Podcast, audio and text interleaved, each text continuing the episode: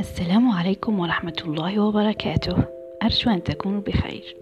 قصتنا اليوم هي قصة عشق جميلة جدا. قصة المياسة والمقتاد. هي من أشهر السير الشعبية التي تناقلها العرب بالمشرق والمغرب على مدى أجيال وأحداثها وقعت في بوادي الحجاز بين مكة والمدينة المنورة. بطلتها المياسة بن جابر الضحاك أحد سادة كندا وبطلها المقداد بن الأسود الكندي ابن عمها الذي ولد يتيما معدما وشب على رعي الخيل والإبل مع عبيد كندا وخدمهم وصار من فرسان العرب.